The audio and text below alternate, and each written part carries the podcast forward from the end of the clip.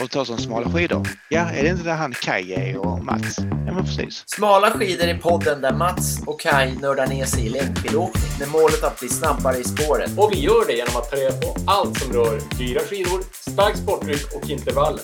Nu kör vi! Man kan alltid skylla på utrustning grabbar. Ja. Det, får vi, det får vi inte glömma. Ikke begynne for hardt. Og så heller glede seg til Vasaloppet, fordi det er veldig gøy å stå på start litt forberedt. Ja, men då hälsar jag dig välkommen Mats till eh, världens bästa skidpodd, Smala skidor. Idag sänder halva gänget från Karlstad. Otroligt, otroligt. Det här med världens bästa skidpodd, det, det, det börjar ju... Det börjar ju kännas lite kaxigt kanske. Vi, vi, är vi så kaxiga? Eller? Ja, men eh, man ska väl Siffrorna sätta en tyder på plan. detta. Ja, siffrorna tyder på detta. Ja, mer ödmjuk än så behöver man väl inte vara.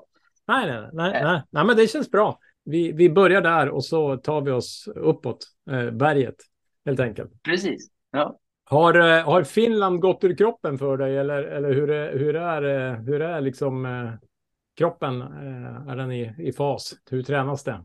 Om kroppen är i fas, om Finland har gått ur mig och hur det går med träningen, det är tre Mm. helt olika frågor. Det är det, ja. Eh, Finland, Finland har... Jag var ju den som var mest sansad på premiärsnön där. Så att, eh, Somliga skulle säga för sansad kanske, möjligtvis, eventuellt kanske. ja, det beror ju på vem man frågar. Eh, Så det har ju gått bra. Det har ju gått bra med träningen veckan efteråt eh, för min del. Eh, Mm. Just nu känner jag mig mer i form, men väldigt eh, lite träning. Jag har sovit dåligt, så att, eh, Mm. eh, men jag känner mig väldigt taggad inför eh, säsongen så att säga. Ja, backarna på stadion i Piteå har aldrig varit liksom mildare eh, än, än i år. Och det är ju, tycker jag, en bra feedback. Eh, de är inte alls så där ångestjobbiga att ta sig upp för. Nej, men jag, jag har en teori här direkt att skjuta in då. Eh, Magdalena Pajala brukar ju prata om det här med superkompensation ibland. Att man liksom, om man har tränat mycket, vilar några dagar och så kör man ett pass så brukar man liksom få en sån här effekt. Och när vi kör, jag körde ju ett pass efter Finland typ tisdag eller onsdag och hade, kände mig så sjukt stark så jag tänkte att jag är ju ett monster. Eh, sen kom jag tillbaka till verkligheten. Monster-Mats! Ja, men alltså jag, jag var... Alltså jag åkte fort och jag hade typ ingen puls. Så det var, men sen nästa dag, eh, då körde vi ju träningspass med träningsgruppen med Magdalena. Och då hade ju du ett av de första passen efter Finland och var ju också sådär explosivt stark. Eh, alltså, jag, jag Ja, uppfattar jag att- åkte ifrån alla. Eh, Ja, du var ju helt, du var ju som bara en, en, ett monster. Så att jag förstår, jag tänker att den känslan jag hade någon dag innan hade du då. Eh, och jag tänker att den var någon sorts kompensation av mycket uppförstakning och så sen några dagars vila och så sen liksom, ja, då fick man betalt på något sätt. Ja. Ja, det är ju en teori. Jag har ju fler teorier. Men vi kan väl vänta med dem en stund. Nej, ja, men jag, jag lyssnar gärna. Nej, men jag tror, eh, jag, jag tror på att man är lite sansad. Och sen så, jag kör ju den här mentala grejen att jag drar ju på med finska landslagsdräkten när det är intervaller. ja. Och då blir man ju himla taggad. För jag kan ju ligga hemma och tycka att nej, ids inte riktigt, jag känner mig inte så taggad. Och så drar jag på med träningsdräkten. Man kan gå ett steg längre och dra på sin nummerlapp också. Eh, Mm. Då vet ju alla att nu är det att åka av liksom. Eh, så, Mm. så jag, jag tror det är lite mentalt sådär. ja. Jag hade ja, jag men- dopade skidor också. Så att, Ja, ja. eh, ja. Ja, nej, men eh, det var, det var imponerande bra i alla fall. Eh, åkt eh, den här gången. Men ja, kul att vi har snö i Piteå i alla fall, så att man kan snurra runt där. Inte så mycket Ja. snö i Karlstad antar jag. Nej, här är det ingen snö. Eh, Mer människor dock. Ja, precis. Ja, nej men eh, bra. För, för min del så har det väl varit egentligen snurra på den här konstenslingan. Jag tror jag såg jag hade 129 varv runt den där eh, ja, slingan eh, just nu såg jag på Strava. Så det är ju, Okej, man blir ju snurrig i knoppen. du blir en sån här Eh. local legend. Ja, eh, du, ja, men jag var- liksom. Ja, men jag var legend i någon karusell några dagar. Sen kommer det alltid någon som karusellar mer. Men, men det är lite kul grej. Eh, Så att, eh, nej, men jag tycker det är kul att vara på snö. Och eh, jag, jag eh, lyssnade på eh, Vasapodden och, och no, någonting mer idag. Och då, det här med konsekvens och liksom fortsätta träna, nöta timmar, bli sakta men säkert bättre. Det, det, jag tycker att eh, det känns ändå som att jag tränar på och håller min plan. Så jag, jag hoppas ju på att det ska liksom Eh, kännas. Och det, det, känns, det känns ändå ibland i alla fall som att jag är på väg att bli en stakare. ibland tänker jag så här, nej, det här är för tråkigt. Jag, jag ska ta fäste igen för att eh, hacka sig fram är inte min grej. Men, men jag, jag tycker att vissa pass så är det riktigt kul och jag känner mig stark. Så jag hoppas att jag får ha den känslan när vi går in i och börjar tävla här senare. Ja, ja. och så får du kanske döpa om det här med hacka. Alltså döpa om det, hitta någon, något ord, eh, någon term som är liksom mer eh, positiv. fancy eller positiv eller skön ja, ja. på något vis. Mm. Uh, ja, men eh, samt, samtidigt måste det så vara just när det känns som att man, man du vet, är på väg upp för om man bara hackar sig fram, inte har flytet där. Då är det ju det jag känner.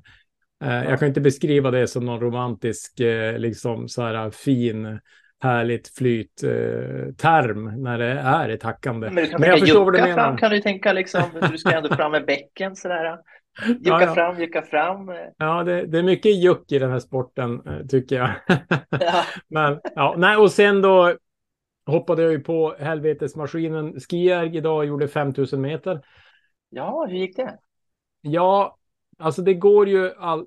Jag hade 1.32 tror jag. Nej, 20.32. Eh, ja, det var fem sekunder sämre än pers. Eh, men jag hade så här. Eh, det var, det var, eh, jag tror jag stannade, eller stannade, men jag liksom drack två gånger. Eh, jag ändra motstånd fyra gånger. Alltså, jag, du vet, det känns som att jag hade inte rytmen. Det var som kroppen bara så här, sluta. Och jag bara drack lite och tänkte det kanske hjälper. Och så typ så här, provade jag ändra lite lägre motstånd. Tänkte jag kan köra frekvens, men det funkar inte alls. Och så typ högre motstånd, att jag kan köra på kraft. Funkar inte alls. Och så tillbaks till åttan som jag ligger i normalt sett. Och, ah, men ändå bara fem sekunder sämre då, så med tanke på det så var väl okej okay då. Men, men det är fruktansvärt. Jag, jag, är så nära att svimma i slutet på den där eh, passet så det, det är liksom jag tror någon gång kommer jag att svimma. Då får liksom ambulansen hämta mig.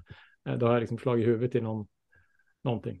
Vi får ha eh, bäddmadrasser så här, runt skijärgen ja. som så här, fallyta. Ni, så, jag tror att många har igenkänning på, på de här 5000 meters passen. Eh, och ni som inte har gjort den kan jag rekommendera att göra det. Eh, och, eh, för det är... Komma in i gemenskapen. ja, precis. Ja, det är, något, det är något alldeles extra. Men eh, en sak innan vi går in på dagens gäst är ju Anton Jernberg eh, och eh, han ja, har men ju... Det är en viktig fråga vi har glömt. Hur mycket ja, tid ja, har du fått ihop? Har du fått ihop din... Eh, ja, du vill veta tid och sånt också. Nej, men eh, det blev väl åtta och en halv timme förra veckan tror jag. Eh, och det är någonstans mellan åtta och nio jag försöker ligga nu. Jag har ju uppat sjuan där. så att typ så. Mm. Okej. Okay. Ja, det är ju fredag idag när vi spelar in det, så veckan är inte slut. Förra veckan då var jag 6.36 och den här veckan så far, eh, det är lite skämspåse, 1.58. Så att eh, mm. jag har ju fem timmar och två minuter kvar och det kommer I, inte att hända.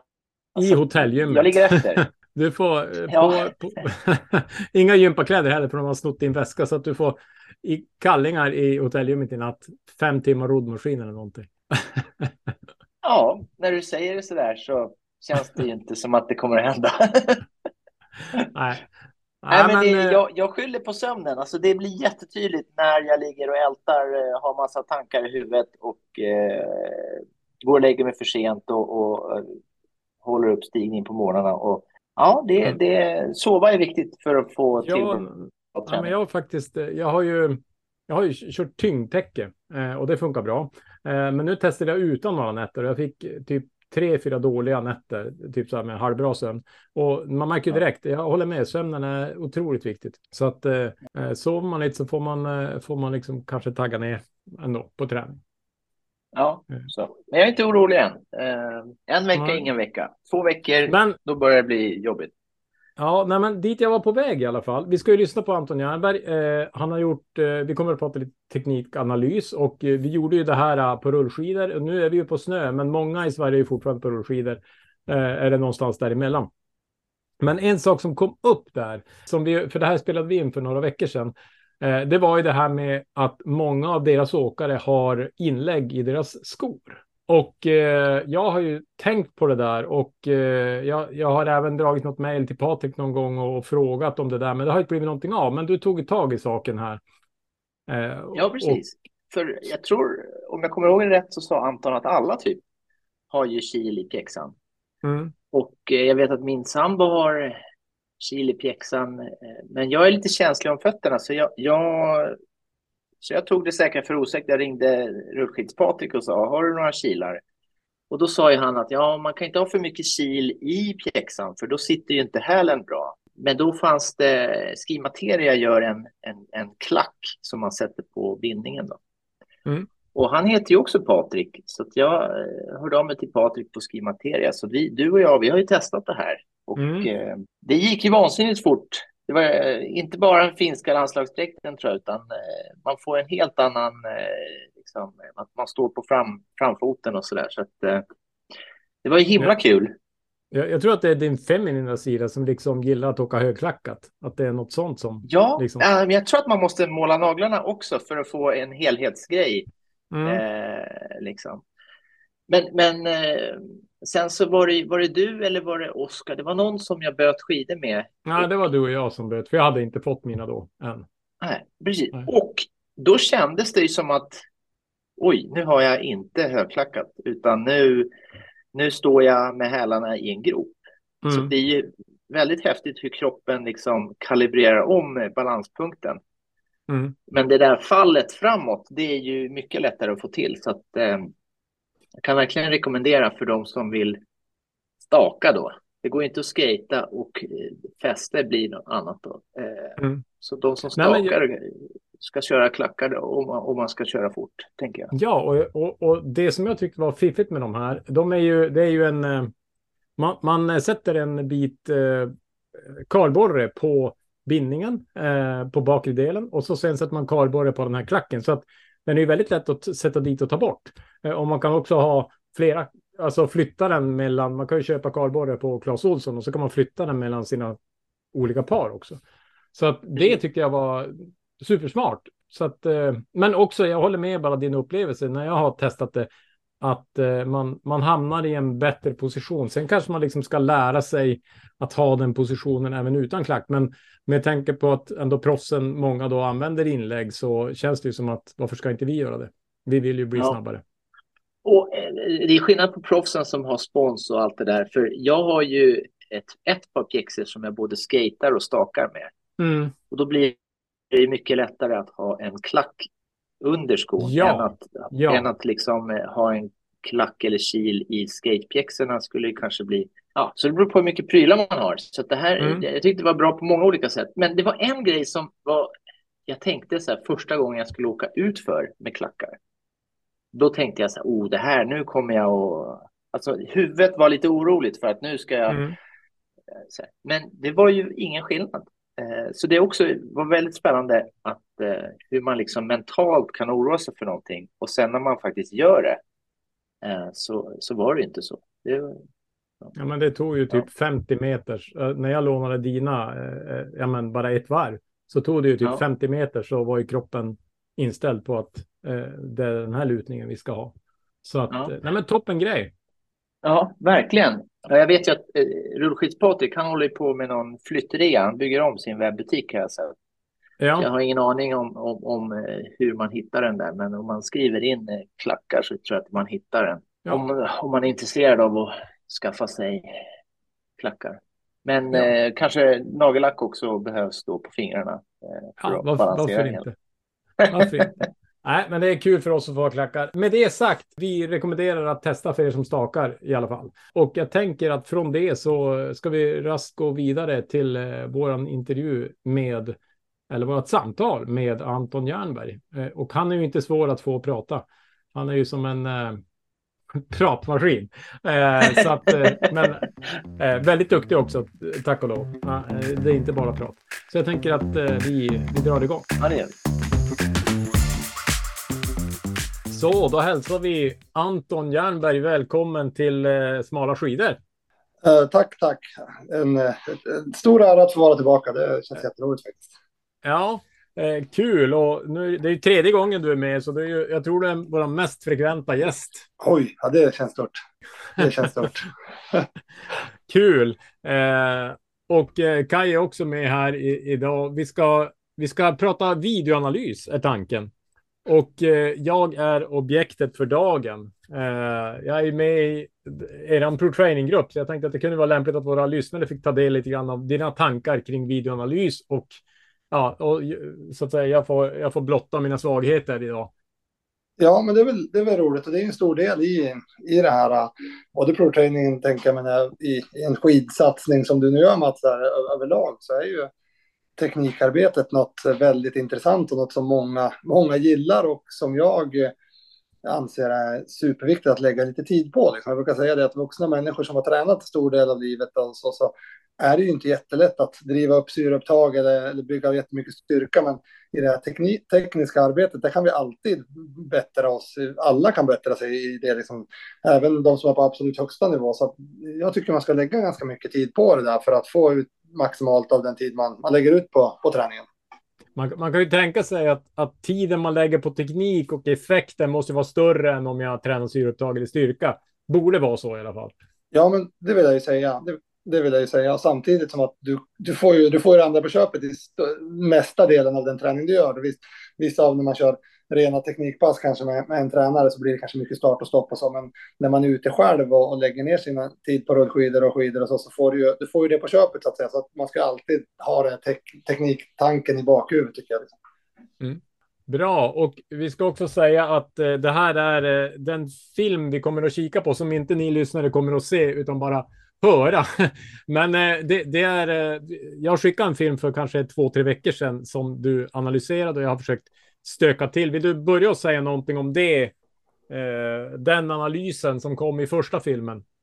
Ja, nej, men det var det väl en, en ganska, alltså jag hade ju fått en bild av hur när vi träffades i Stockholm i, i på försommaren där första här i, i juni vart du låg och vad vi hade och jag, du fick ju generella tips i, i en gruppträning där hur vi skulle tänka och och så. Vi småsnackade lite om saker, så att jag hade en, en hum om hur, hur, du, eh, hur, hur, hur du stakade egentligen. Och så fick jag den här i slutet på sommaren, den första, och eh, där hade vi några saker. Och den, den stora delen som, som vi, vi byggde på där och som du egentligen visste om också, det var ju hur vi startar upp rörelsen. Och det är något som jag, jag trycker väldigt mycket på, att liksom vart startar rörelsen och på hur vi startar. Och det är just det här att vi när vi startar och när vi stakar så startar rörelsen liksom i, i ska man säga, i, i, i bakersta lägre med händerna. Så att säga. Precis när vi är klar med ett staktag, där startar vi nästa. Och det här är något som bara för en fem, sex, sju år sedan, vi fokuserade inte på det, utan då fokuserar man ju på den här när man tänker när man har händerna som högst upp och precis när man ska slå ner staven i asfalten. Det var ju därifrån man började titta då. Hur, hur gör vi? Får vi så mycket kraft som möjligt i staven härifrån? Sen har vi liksom under de sista åren mer och mer gått åt att, att den startar ju när den för, det, för den cykeln tar slut och startar på samma gång och den här armpendeln fram är otroligt viktig. Och eh, här är det ju väldigt vanligt att man reser upp sig då, alltså man ställer sig upp. Eh, första reser överkroppen, sen kommer armarna i ett andra läge. Och det var ju det som jag tryckte mest på, på på den här sommaranalysen jag gjorde, det att du måste liksom börja styra det här med armarna för att på det sättet kunna flytta kroppsvikt från egentligen fot eller, eller ben eller vad man vill säga, till så många kilo som möjligt på staven. Så det var väl det som var den stora, stora grejen i, i somras att, att börja fokusera på. Då. Mm. Och hur ser det ut nu då? Tycker du att han har skött sig eller, eller får han samma skäll fortfarande? Liksom? Ja, men jag tycker att, att eh, det har hänt, hänt en, en, en, en väldigt bra, eller en väldigt stor förbättring i det där. Och att eh, det ska sägas också att jag brukar säga att det är 70 procent av alla lektioner jag har och det börjar bli några på ett år. Där är den här det första vi gör, liksom att vi måste börja starta rörelse liksom, med armar och händer. Det har jag sagt till mängder av folk. Det säger jag också i, till, till åkarna i teamet titt som tätt att nu, nu reser du först, du måste tänka på att händerna ska komma först. Det, så, det, det är väldigt, väldigt vanligt. Men det som Mats skickade nu här förra veckan, då är det, då är det en stor förbättring där. Vi, vi ser också att då, det är ganska enkelt att titta på det här om man tittar i slow motion, att, att man ser liksom, när man är på rullskida att rör sig hjälmen, hjälmen, huvudet, överkroppen före händerna vänder. Så det är ganska lätt att titta på själv också det här. Och där har det inte stor, stor förbättring. Och nu, nu leder armarna eller händerna, som vi säger, rörelsen eh, tydligt tycker jag. Bra, jag tänker, jag utan att ni Ja, tittar... det är du som är bra Mats. Ja. Det är du som är bra Mats. Ja, precis. Ja, nej, men jag, jag, har, jag har tänkt mycket på det här. Sen, sen tycker jag att det, vissa gånger man åker så kommer det naturligt och vissa får man jobba med. Det är som hur man... Ja, det, det är så mycket känslan att man liksom ibland hittar man det där och då har man ju tajmingen. Ja. Ibland då, då är det som att man får kämpa med det. Jag tycker det är kul du säger det också, att ni pratar om det i teamet. För det blir så, ni har, delar ju ganska mycket klipp med era åkare och då, när, du, när du liksom pratar om det här så blir det så här, då tittar man och bland annat var det något klipp med Emil som jag såg när jag tyckte att han liksom inte hade riktigt den där tajmingen. Eh, Men en Just annan det. gång så har han det suveränt bra. Så att alla verkar ju som jobba med det här, är känslan.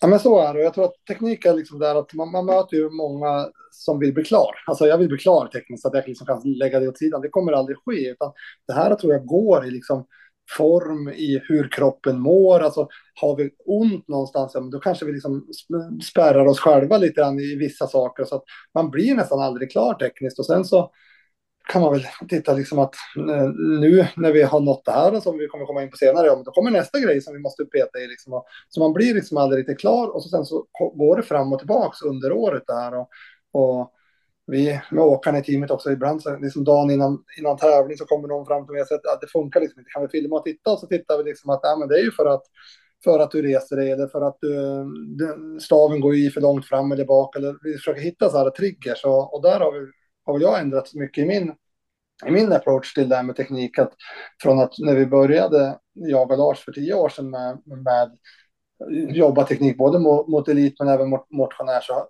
då var det liksom en, en, en desto mer, desto bättre. Liksom. En bibel med, med tips måste ju vara det bästa de åker hem med från Vasaläger, tänkte vi.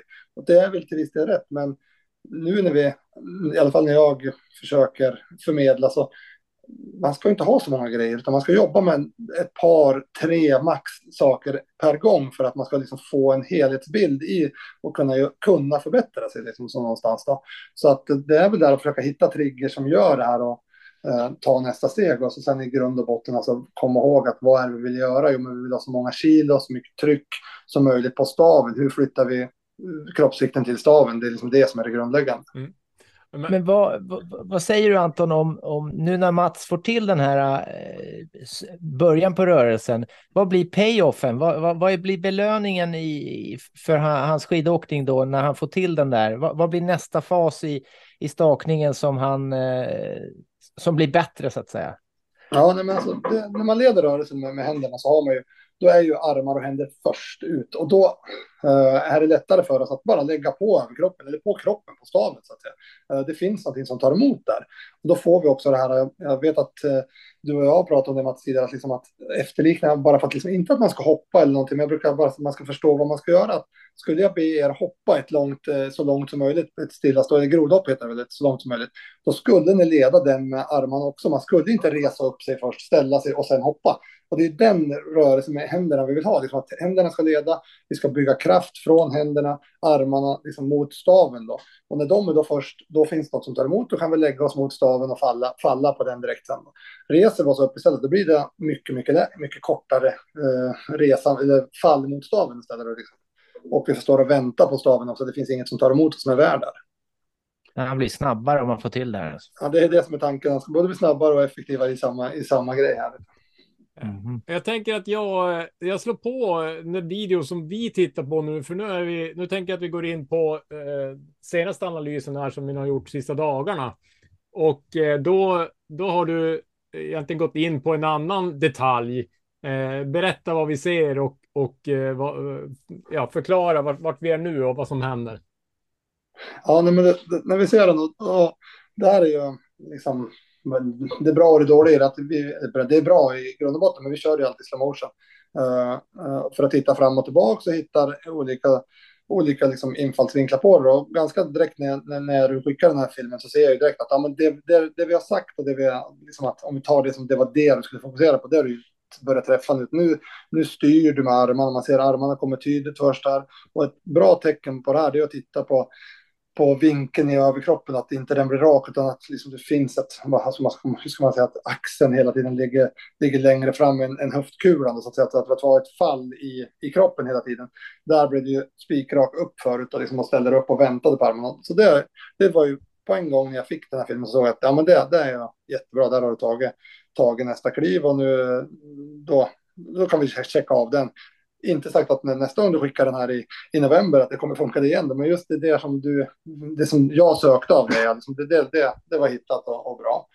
Och då blir det ganska tydligt nästa steg. Vad, vad ska vi göra sen? Då? Jo, men då har vi kommit upp och vi har liksom, nu har vi skapat förutsättningar att få mycket tryck på staven. Då. Och då finns det ju liksom så här att i det här läget här så, så som jag ser det så vill vi liksom hålla mot och vi vill bara lägga på, på trycket på staven. Och vad då kan kan ske, liksom, vad, är, vad är den stora utmaningen nu? Ja, men det är höft och eh, att höften inte orkar hålla emot, man blir, skjuter bak, den blir sittande. Eh, till viss del även armar, armbåge, så att man inte orkar hålla emot där och så vidare. Eh, och då kan man titta den prisen staven går i, så att hur, hur liksom vinklarna ligger. Och då brukar vi lite, lite, lite slarvigt sagt, men ändå liksom man kan ha med att underbenet och överkroppen ska ha samma vinkel och att det ska vara lodrätt lår. Eh, om man kan förklara på det sättet. Liksom. Uh, där, om vi hittar det så, då kommer vi på det sättet kunna hitta lättare att hålla mot i, i, i höften också, så att vi inte blir sittande. Då. För att det är ju hela tiden att vi kan bli sittande, liksom att när vi, det spelar ingen roll hur mycket kilo vi lägger på staven om de bara pyser ut. Det är liksom lite som att cykla på en, på en mountainbike med, med, med, som är fulldämpad och har dem helt, helt mjuka. Liksom att när vi ställer oss på den så bara svampar i vägen. Så vi får inte ut någonting av den, den kraft vi lägger. Uh, och till viss del så tycker jag ju att här att du, du har ju tagit det, du gör rätt och du hamnar rätt i det och du, du får bättre tryck och det här är mycket bättre än det vi gjorde i somras.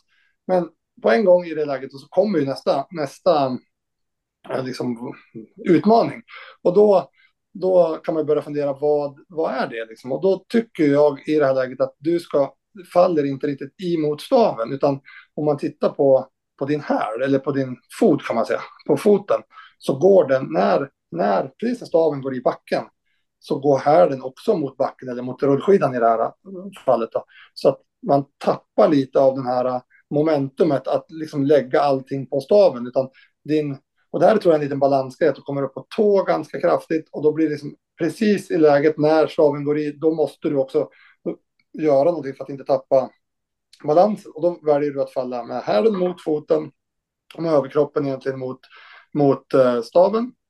Och då blir det ganska långt, alltså det blir ganska långt mellan hand och höft egentligen. Då. Så får vi inte riktigt det där, eh, det där momentumet på staven med, med maximalt tryck på staven, utan du, du separerar det lite grann och det blir, blir, får inte fullt, eh, fullt vi får inte ut fullt av den då just nu då, liksom inte. Men eh, för att kolla som jag hänger med Anton, menar du att Mats, han går lite för mycket upp och ner på hälen istället för upp eller framåt? Ja, det, det är jättebra. Och han, går, han ska, vi vill ha lite mer framåt och vi vill ju aldrig resa oss egentligen. Det tycker jag inte Mats gör, men vi kan ta det som generellt. Att det har ju blivit någon liten grej att man ska stå på tå, att man ska göra en tåhävning. Det vill vi inte. Utan vi, härden släpper ju av den anledningen att vi kommer fram. Och jag brukar säga att har man, tittar man Petter Eliasson till viss del Emil, så släpper de nästan inte härden eh, från, Petter Eliasson släppte han och lagt ner dem, men Emil han släpper ju nästan inte härden från, från skidan på det sättet. Eh, så det är ju inte en tåhävning vi ska göra, utan det är en konsekvens av att vi kommer fram och är man då väldigt eh, så smidig, eller vad säger man, vig i fotleden, då behöver man kanske inte heller eh, släppa härden. Så det, det, är inte det, det viktiga. Men det, det är precis så det blir här, att Mats kommer ju upp eh, och så sen blir han för mycket på, på, på tå och så måste han gå ner och sätta ner hälen. Då, då, då skjuts ju höften bak lite grann och så får vi inte det där momentumet att allt läggs på staven. Så i det här läget här så så, så ser vi också här på bilden att Mats är väldigt rak i benet. Att vi vill ha framknät lite grann för att det sättet få trycket mer i fram på, alltså mera i fram i pjäxan än bara på tån. Då, så att säga. Och det är egentligen under hela rörelsen att vi vill ha en mer, mer i fram i pjäxan. Då. Så egentligen ska jag inte fråga den här frågan, eh, men, men jag gör det i alla fall. Va, vad ska han göra istället? Då? Va, va, vad ska du ge honom för tips så att han, han kirrar den här, det här momentet också? Han kommer bli jättesnabb då. Det är inte jättebra för våran lilla battle här, men, men eh, man måste vara schysst ändå mot Mats. Eh, ja, det, det, är väldigt fint av det, jag tänker så. Nej, men det, det som blir just nu, det är ju att um, som vi säger, att liksom få mer tryck fram i pjäxan, alltså hela, under hela rörelsen. Och då sa jag uh, till Mats här igen att um, tänk en, återigen det här äh, grodhoppet du ska göra så långt som möjligt. Du startar inte på hälen då. Utan då, då kommer du vinkla fram dig så att du står liksom med trycket fram i, i pjäxan. Samma sak vill vara här. Och sen när staven går i, lägg så mycket tryck som möjligt på staven och sen ska man tänka att foten ska vara med i dynamiken i den här, utan väldigt många blir högt på tå, sen smäller tillbaks på, på, på häl. Och där vill vi ha dynamik i det. Så att i en optimal värld, då är Mats tillbaks på helfot när handen passerar höften. igen. Om ni förstår hur jag tänker där. Nice. Så han ska alltså typ eh, ha eh, spärrar på rullskidorna och sen så ska han hoppa jämfota eh, och komma och få och utan stavar, typ få in den rörelsen och sen lägga på stavar och sen åka fort som attans. Ja, lite, lite så. Det är, en, bra- det, är en, det, är en, det, är en, bra liknelse. Jag tror att man kanske inte känner så mycket på just tränare, men det är lite så här. Exakt så, så är tanken. Eh, och liksom som, som bara en, jag vet, man behöver inte säga att det är rätt eller fel i det, men som en, liksom bara så att man förstår hur, hur jag tänker. Så våra åkare, i stort sett alla, eh, in, ja, jag kan säga stort sett alla i teamet, åker med upphöjda hälar, en kil eh, under hälen, där man är upp en till tre centimeter. Och det är ju av just den här tanken att vi hela tiden ska ha, liksom vara på framfot egentligen. Va? Är det i pjäxan då eller?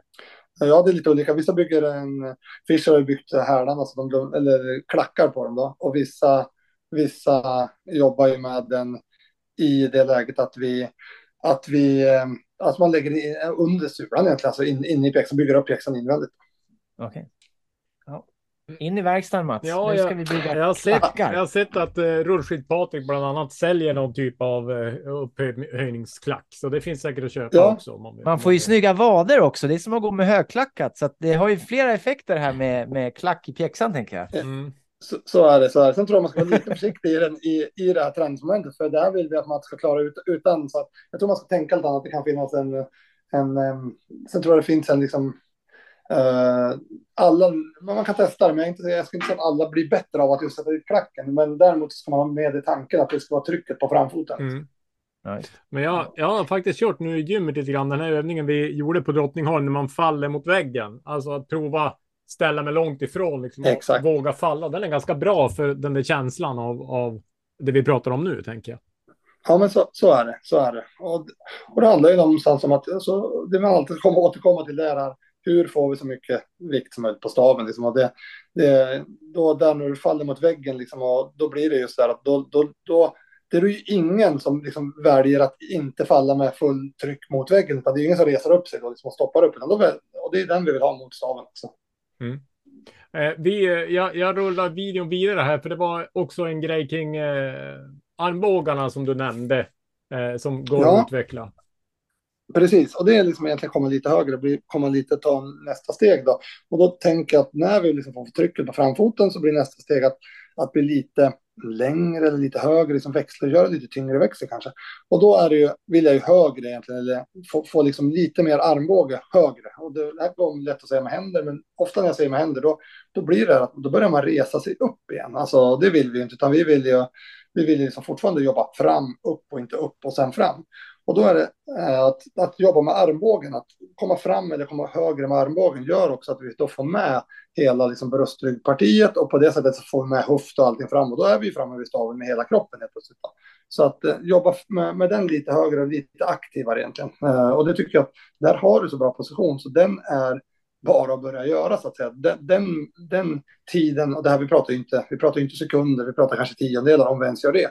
Eh, den tiden har du att liksom låta armbågen fortsätta sin färd som den redan har börjat i, i några centimeter till så kommer det bli en helt annat utgångsläge än vart du sätter i staven. Det, min eh, reflek- reflektion är ju att man, man är ju starkare dels i armbågen, alltså man har ju mer att trycka med än med armen. Ja. Eh, Det är en fördel. För Exakt. mig är det lite grann en rörlighetsfråga också, men säkert också en träningsfråga. Men, men eh, man är ju lite stel som måste som, ja, man måste ju börja, börja, men, men ibland känns det som att, man är, att jag är lite orörlig i mina axlar. Det är ju också en, en fråga.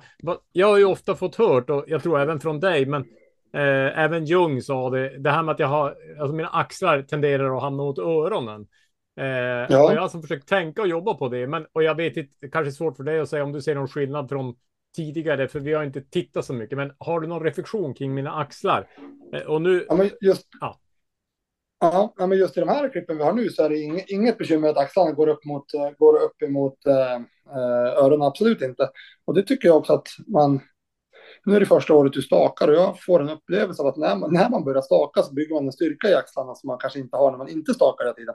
Och det är ju mer jag tycker ju axlarna är mer, kommer ifrån det klassiska när vi åker diagonal, att man drar upp och man, blir, man liksom måste säkra upp och bli starkare och då blir det ju att man drar upp där för att liksom säkra upp fästet egentligen. Då. Mm. Uh, och uh, jag tycker att i det vi har sett nu och inte eller kanske den i, i somras så tycker jag inte att det är ett bekymmer. Och den, nu ser vi just den bild vi ser framför oss nu så är det ju inte att armarna eller axlarna går upp mot öronen utan det tycker jag inte är ett bekymmer utan där, det är inget jag skulle lägga tid på nu liksom att, att fokusera. Däremot är det jätte, jätteviktigt för att stakning är ju väldigt stor del um, en avslappningsövning. Vi ska ha avslappnad hela, hela främ, rörelsen framåt. Vi ska försöka liksom, precis när staven går i, där första tiondelen, då ska vi liksom kunna låsa allting. Där händer ju allting i kraftkurvan precis när staven går i. Uh, sen är det avslappning tillbaka till utgångsläget och sen avslappning fram. Så det är ju väldigt mycket avslappning. Mm. Uh, så att vi kan inte, där är det ju väldigt viktigt att inte bli spänt. Och tittar man på ett Ski Classic-fält nu mot tio år sedan, då var det liksom, då var det mycket där power, det var mycket liksom upp och slå och liksom verkligen, det var mycket mycket liksom, tvångströjor brukar, brukar jag och Lars prata om. att det är mycket tvångströja i, liksom, komma fram och liksom, det var mycket spänt hela tiden. Och tittar man nu så är det mycket avslappning i alla, alla som åker. Så där har det hänt väldigt, väldigt mycket. Mm. Eh, och en till fråga då. Eh, jag är ju osynt med fötterna lite grann. Eh, och det här ser, eh, det finns ju någon, några till på planeten som åker på en väldigt hög nivå som också är det. Men, men det, de flesta duktiga är ju synk. Men är det något som du tror påverkar åkningen eller, eller för jag, ibland försöker jag tänka på det, men jag tänker att det kanske inte, men har du någon tanke där? Nej, men det, precis som du säger så finns det ju de som åker otroligt fort och nästan vinner sitt klassiklopp med att vara osynk i fötterna. Uh, men jag tror att det där får man ju titta lite på. Det kan ju också vara lite, no, någon olikhet i kroppen är jag ju ganska övertygad om att det är där, alltså eftersom att det blir så. Och eh, det är klart att det blir ju inte, alltså ska vi vara helt optimal, liksom få ut absolut maximal kraft i staven och så här, då måste vi vara ganska jämn, jämn så där. Men det är inget jag tänker på. Det är inget, jag tror liksom att det är mer att, alltså, oh, att vi måste stärka upp hela kroppen så att, det blir, så att vi blir jämnstarka över hela. Och det tror jag vi gör genom att staka, genom att träna. Så att det, förhoppningsvis kommer det där minska, minska, minska. Mm. Om man inte vet med sig att jag är en eller två centimeter kortare i ena benet, ja, men då finns det ju logiska förklaringar på det på något sätt. Mm.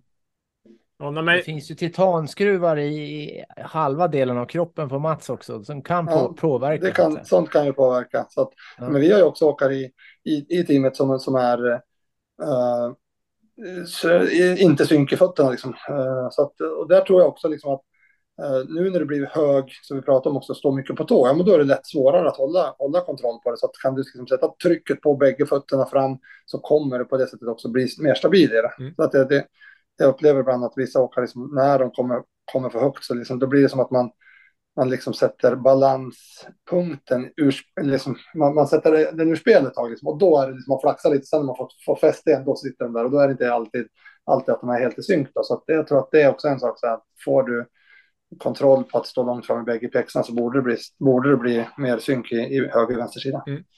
Ja, men det är bra. Jag, jag tänker också ibland när man har åkt i ganska styv uppförsbacke och verkligen jobbat med att få fram kroppen, då kan man nästan känna att man bara står och jobbar på tårna, alltså för att man har kroppen så mycket framåt. Eh, Exakt. Och, och, det, alltså man skulle vilja få den känslan när man åker på platten.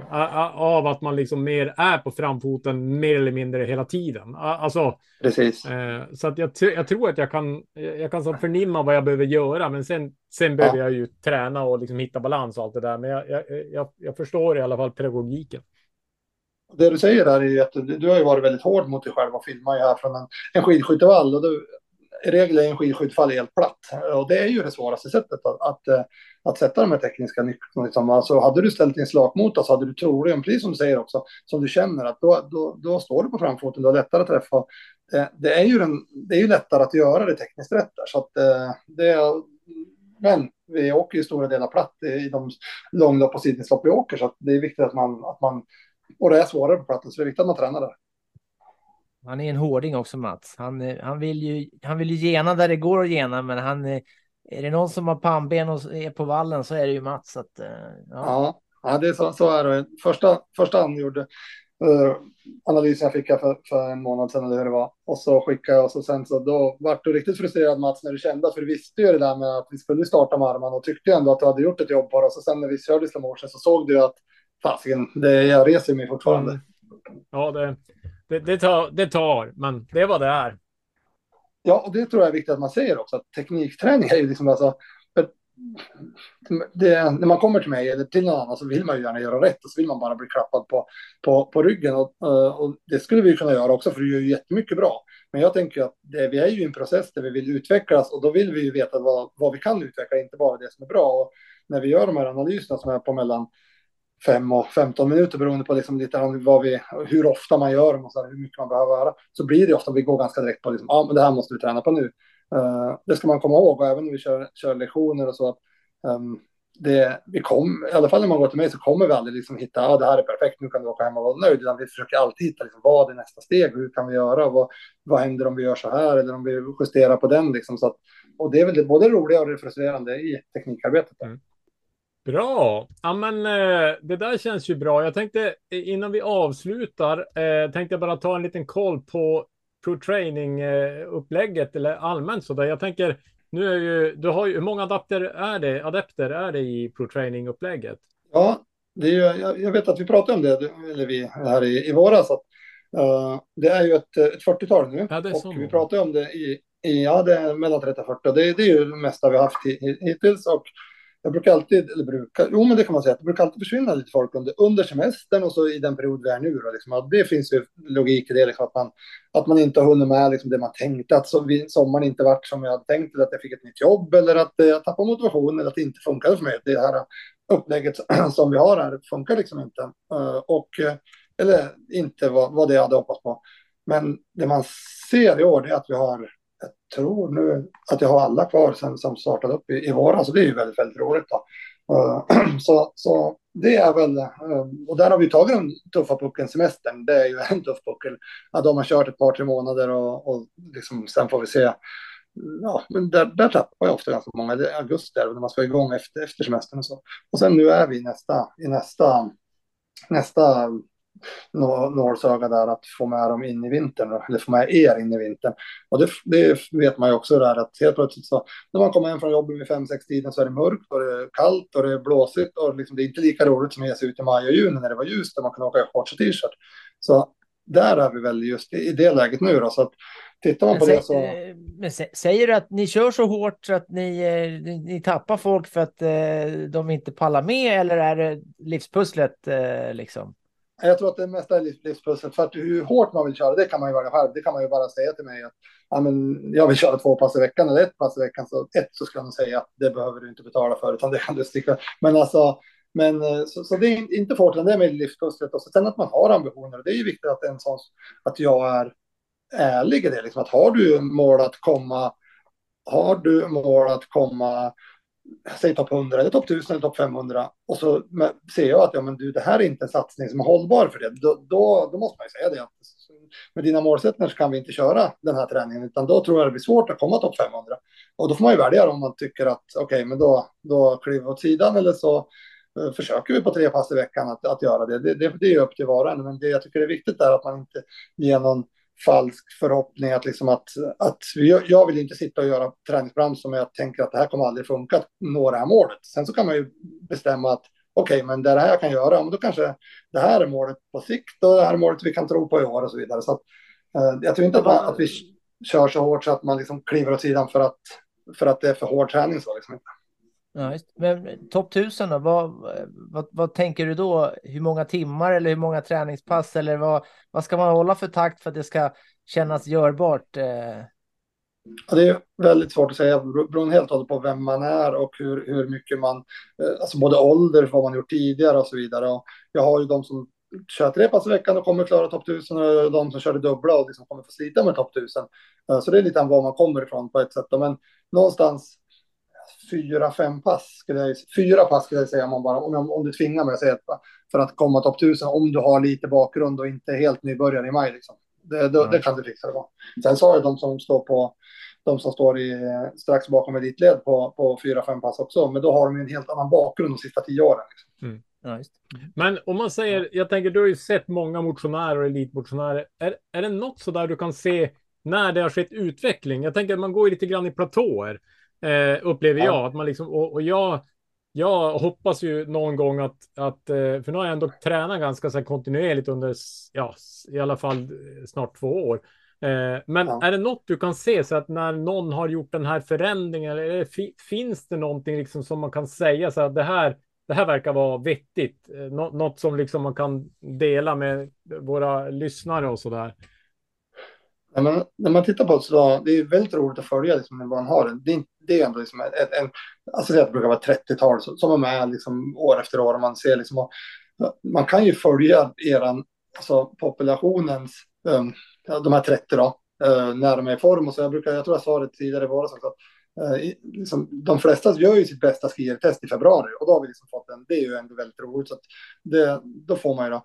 Men, men annars så ser man ju att det är ju väldigt, väldigt um, bra utveckling i maj-juni och det är för att vi sätter igång och det är motiverande och folk går ifrån, alltså mm, många går ju från mindre träning till mer träning, för man har ju ändå, där investerar vi och då kanske man invest, liksom köper sig mer tid också, så att då, då får vi snabb, snabb utveckling där. Sen planerna nästan alltid ut i, i slutet på sommaren, eh, början på hösten, för att sen liksom få lite ny, ny gång. Så i december, där någonstans, då brukar man se en, en liksom överpopulationsmässigt att fortare, jag, jag drar ju alltid Eh, mina alltså, när jag drar ett paradisar då är det 5000 meters testet liksom, som vi har haft under många år. Då.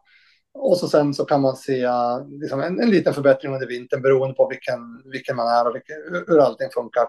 Men det som är absolut, eh, om man tittar folk som håller ut år efter år, för jag är flera parten här har jag varit med i både två och tre år och fyra och fem år några också. Och då är det att kommer man från en ganska låg nivå så är det ett par år med träning för att sen, liksom, den kontinuiteten, den kontinuiteten får vara viktigt att vi tränar de här antalet pass vi ser att vi kan göra. Och sen när vi kan börja skruva lite på den där, att vi kan börja träna lite hårdare, behöver inte vara mer, mer tid, utan man kanske har sina sju timmar hela tiden. Men när vi kan börja skruva och man känner att nu är kroppen mer vältränad än för två år sedan. Liksom, då kan vi köra kanske lite mer fart, vi kan köra lite mer av de här liksom, prio-passen, lite mer och det inte bara bryter ner. Där kan man då se att att när vi har byggt bas ett par år och kan liksom börja spetsa träningen lite, då, då, då kan man ganska fort se en, en andra våg av utveckling på något sätt. Mm. Det, det jag känner själv. Låter bra Mats. Låter det bra, eller hur? Ja, man får ju hoppas. Men det jag känner själv nu, det är att jag, nu är vi inne i min fartvecka eh, och, och eh, jag, jag känner att jag är så här. Jag har inga problem med mycket A3-pass. Det, det, jag klarar det bra. Det, det som är min utmaning är ju mera klara av all stakning. Alltså jag hade ju en stressfraktur ja. i bröstet och nu har jag börjat känna armbågarna lite grann, för nu är det ganska hård asfalt. Så det är mera stakovana än, än alltså fysiskt känns det som att jag, jag känner mig superstark. Ja, det, är ju, det är ju lite utmanande för, för en nystakare som jag då. Ja, ja men så är det ju. Det där är ju kontinuiteten i det hela också. Jag tror vi pratade om det i våras också, sen om vi spelade in eller inte, det vet jag inte, men just det här att i en drömvärld så stakar vi 100 procent när vi, när vi tränar 6-7 timmar, 8 timmar i veckan, 10 timmar kanske.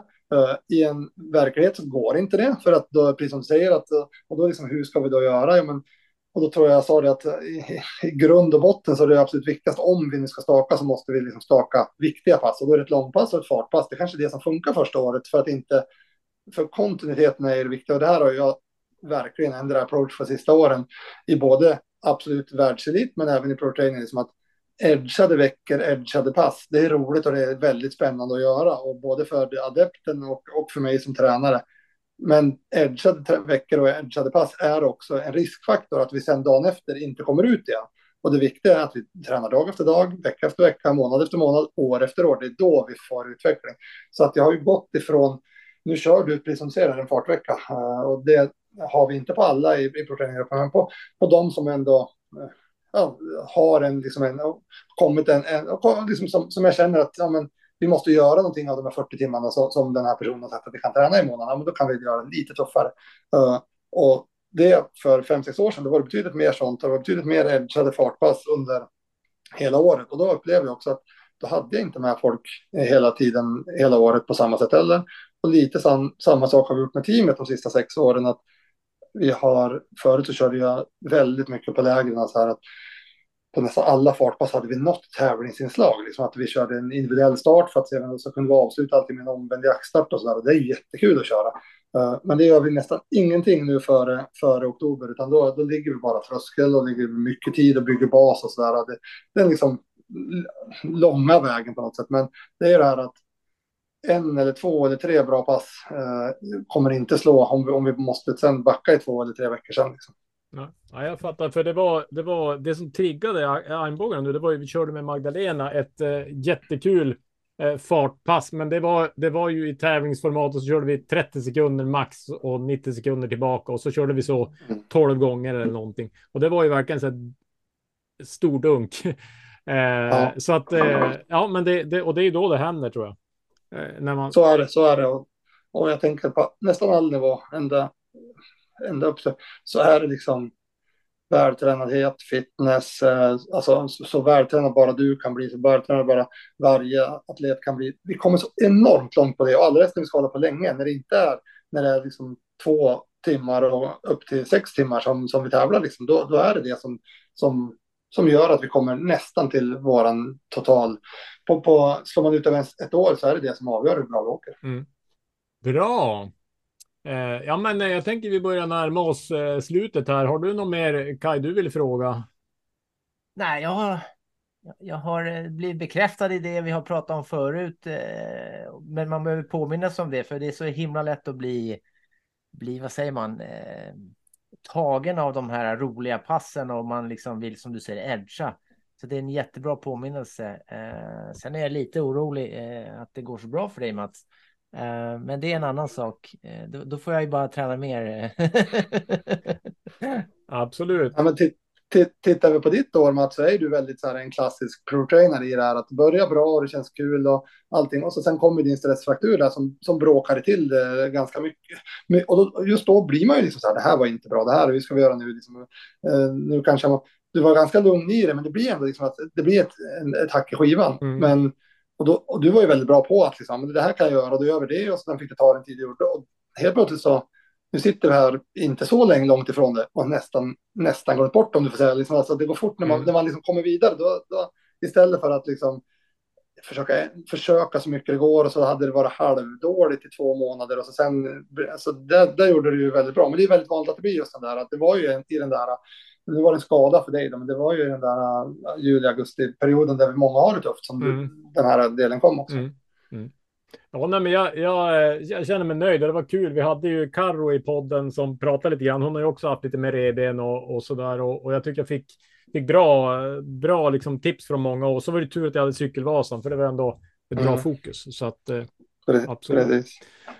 Bra. Ja, men, eh, vi, vi säger tack för den här gången och eh, så hörs vi, hörs vi av eh, när vi hörs av nästa gång. Helt enkelt. Det gör vi. Kör hårt. Men det här var ju jätteintressant Mats. Eh, jag eh, blir jätteglad att höra de här eh, progressionen. Ja, jag, jag, jag, jag också. Jag, jag, det jag var särskilt glad över, det var ju det här med axlarna, för det ändå var ju så här en, en liten ångest att jag, att jag har. Eh, och det var ju ändå skönt att höra att det kanske håller på att ge sig. Eh, med det så slipper jag liksom ha den där eh, axelpuffen som, som Lars Ljung tipsade om. Ja, nackkragen ja. Ja. Nackkragen, ja. Exakt. Ja, Så på eh, videofilmen här, då såg man inte några axeluppdragningar alls. Eh, Så, så antingen så gjorde du ett väldigt bra inspelning eller så, så har, det, har det blivit en låg eh, frukt. Eller vad sa han Lars Ljung? Att eh, lågt hängande frukt. Jag tror, eh, jag tror du har plockat lite frukter här. Eh, Ja, kanske. Eller så är det som Anton säger att jag i och med att jag har ändå frångått diagonalen så, så eh, är det lättare att åka avslappnat när man inte ska stå på ett ben och köra. Ja, just det. Ja, det finns ju en poäng i det också. Så Ja. ja, men det var, det var kul. Men eh, blir du något stressad eh, eller, eller känns det bara bra?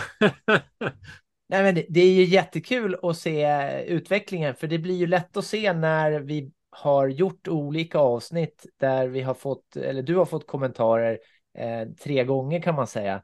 Eh, och då blir det ju lätt att jämföra att det går åt rätt håll och det är ju hur kul som helst. Eh, och sen blir det ju taggande för mig, för eh, nu har ju inte jag fått det. Jag fick ju det av Lars Ljung och han, han var ju mest snäll tyckte jag. Så att, eh, ja, eh, glad för din skull och, och lite så här, nu, nu ska jag be eh, Magda om lite så här teknik. Vad gör jag fel? Vad kan jag göra bättre? Så att eh, taggad blir jag, eh, helt klart. ja. ja, men det är kanske dags att göra en videoanalys för dig Kai också och se var du står. Mm. Ja. eh, ändå. Det är ju, alltså, jag tänker att man kan, bara när jag filmar själv och suttit och tittat så eh, nu har jag inte de, de saker som Anton sa idag, det här med hälarna, det hade jag nog inte sett och tänkt själv, men den är ju superrelevant. Så det känns ju bra att man kan få nästa steg i evolutionen. Ja, just. Ja, men det här med klackar det har jag funderat på också, som man sa. Eh, så jag ska nog testa det. Eh, gå, gå till skoaffären eller se om det finns några, om man har dem i kork eller skumgummi eller skär man ut dem eh, från madrass eller vad gör man liksom? R- Rullskids-Patrik har eh, klackar eh, färdigt. Sin Ja, men då ringer vi Patrik. Ja, absolut. Jag vill ha Eh. högklackat. Eh. Nej, men jag tänkte, en, en grej var ju just att använda klackar, men jag är inte säker på att man ska börja där. Jag tänker att man hittar sin teknik och det var det jag menar att jag, där finns ju en teknikgrej jag kan jobba på. Att, Ja. Men det är ju också så här när man är på platten och balanserar det, eller liksom jobbar, det är ändå, finns ju ändå något osäkert. Du har ju sagt någon gång så att den som vågar falla mest vinner eller något Ja, sånt där. så är det ju. Eh, Och, och, och det är ju så här, ja, jag vågar ju falla lite grann då, men samtidigt så vill jag ju snabbt tillbaka på hälen för att liksom där är jag trygg. Eh, Och det Ja. gäller liksom att våga falla och vara kvar i fallet så att jag får kraft genom fallet. Det är ju det som blir min, mitt nästa steg nu. Spännande. Det här Ja. var jättekul och tack också för att du eh, är så publik med, med eh, din feedback. De flesta tycker ju att, att få feedback är ju läskigt och man vill liksom inte bli, man vill bli sedd som den här perfekta skidåkaren som Anton sa, men det har man inget värde av i utvecklingsmässigt. Så jag tycker du, du, du inspirerar ju med att lägga ut det till ja, miljontals lyssnare, får vi väl tänka. ja, exakt. Jo, man, man, eh, nej, men det, det känns, man, eftersom man inte är någon speedkula eh, så kan det vara bra att folk vet att man, man eh, jobbar på, tänker jag. Det här var ju superbra och eh, hoppas ni som lyssnar också eh, kan föreställa er det här och ta till er av, av de generella eh, råden som Anton tog så att vi alla kan bli lite snabbare för det är ändå därför vi är här och lyssnar och gör podd så att säga. Ja, det här är det allra senaste, att man liksom, man har ingen tv på väggen utan man bara lyssnar och bygger sin egen bild. Det, Ja, precis. Det, det, någon dag kanske vi ska vlogga eller någonting, men det, det blir ett, i ett annat liv. Ja, men eh, grymt. Men du Kai, en grej som jag noterade och som du också har noterat, men som jag ändå måste berätta för våra lyssnare, det är ju att efter Bukati så har ju våran Instagram varit helt crazy. Eller? Ja, det är en, det är en under... Eh, vad säger man? Det är en underdrift att säga crazy. Eh, vi har ju fått jättemånga följare och eh, vad är det för siffror nu? Ja, jag vet inte, men jag, jag, vi har ju så här, du och jag har ändå gnuggat på. Du har ju lärt dig Instagram, Kai. Det är ju fantastiskt. Vilken resa.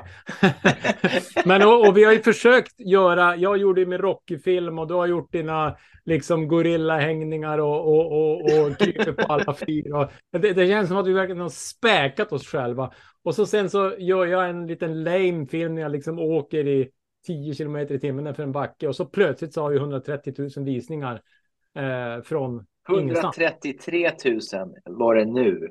Ja. Ja. Det är Helt ju, galet.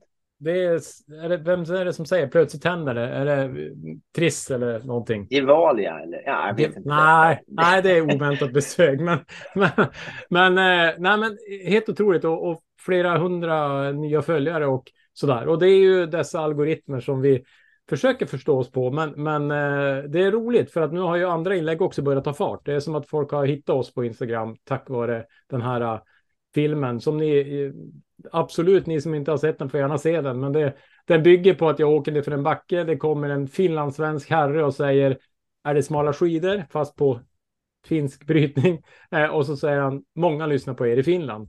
Eh, det är klippet. Eh, så det är ju inte. Och det är viralt. ja, Betyder inte det, att vi hög- är, är vi nu sådana här skidinfluencers på riktigt alltså? Kan man säga jag tror det? det. Därför att min fru sa till mig så här. Någon på hennes jobb hade sett oss i hennes flöde. Hon är ingen skidåkare så att någonstans håller vi på liksom. Du kan ju tänka dig det är 15 000 som åker eh, Vasaloppet och här har vi 100 000 som har, eh, unika som har sett det här klippet. Så det, är ju, det måste ju vara alla möjliga personer som eh, liksom inte vet vad som är bak och fram på en skida ens. Så att, precis. eh, Hur många skidåkare finns det i Sverige? Det är en bra fråga. ja, en bra fråga. Och, men det är nu, vi har ju en ganska international målgrupp också. Om man tittar på, vad var det du sa, 66 nation- länder eller någonting? Ja, vi har ju, då är det poddavsnitt, inte Instagram. Det har jag ingen Nej, koll på. precis. Men, Nej. men eh, podden har ju då eh, lyssningar från 66 olika länder. Mm. Det är ändå rätt många länder. Det är fler än det finns i Norden och Europa. Liksom. Fler, fler än vad du har varit till trots att du har rest mycket. Gissar jag. Ja, ja, precis. Det är fler än vad jag har varit i. Så podden har, är mer global än eh, vad vi är tillsammans. Det, det är lite coolt. Det är coolt. Eh, Ja, nej men kul. Eh, Och vi kan väl bara säga så att vi, vi tycker ju Instagram är kul och bra så, så att eh, tipsa gärna andra om oss. Framförallt vill vi ha lyssnare till podden. Det är ju huvudsyftet. Men Instagram kan ju driva lite folk mot podden, hoppas vi ju. Så att... eh, Och interagera gör med lite frågor och sånt där. Det är ju kul Ja. med kommentarer vi får. Helt klart. Exakt. På tal om frågor så tänkte jag att vi här för mig borde vi göra något frågeavsnitt eh, och, och eh, köra lite killgissnings-VM. Kaj och Mats killgissar. eh, vi har ju sett att andra gör det, så vi får testa själva. Eh, någon det. gång kanske. Första gången måste ju vara någon gång, eller hur? Ja, exakt. Nej, men eh, grymt. Men du, eh, då, eh, då, då är vi, vi är väl nöjda, va? Just då. Eller hur? Hojrest ska du säga nu. Typ. Ja, nu ska jag säga hojrest. Vad säger du då? Ja, men då hörs vi då.